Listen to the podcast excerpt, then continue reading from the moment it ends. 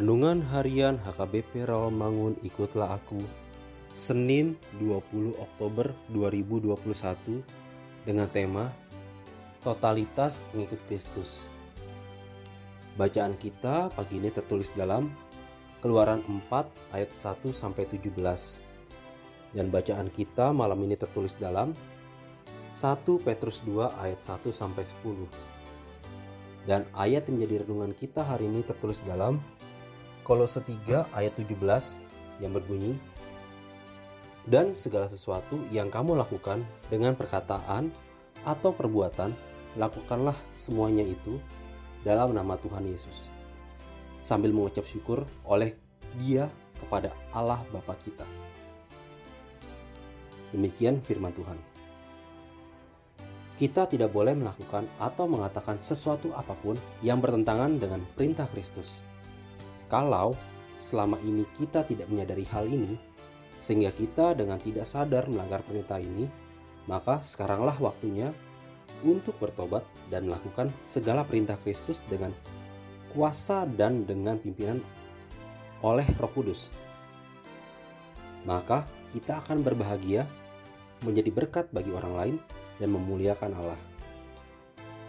Akhir-akhir ini ada lagi sebuah fenomena baru bagi umat percaya dengan terlalu lebay dalam berkata-kata, dalam berdoa.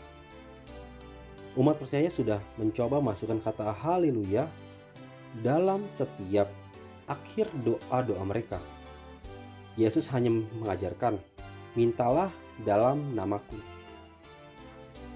Dan atau dibaca nama Yesus. Bukan dalam haleluya, sehingga kita selalu berdoa dengan rumusan dalam nama Yesus kami berdoa, amin. Sekarang rumusan ini telah digeser oleh gerakan zaman baru dengan menyelipkan kata haleluya di dalamnya. Sehingga banyak orang berdoa sekarang dengan berkata, dalam nama Yesus kami berdoa, haleluya, amin.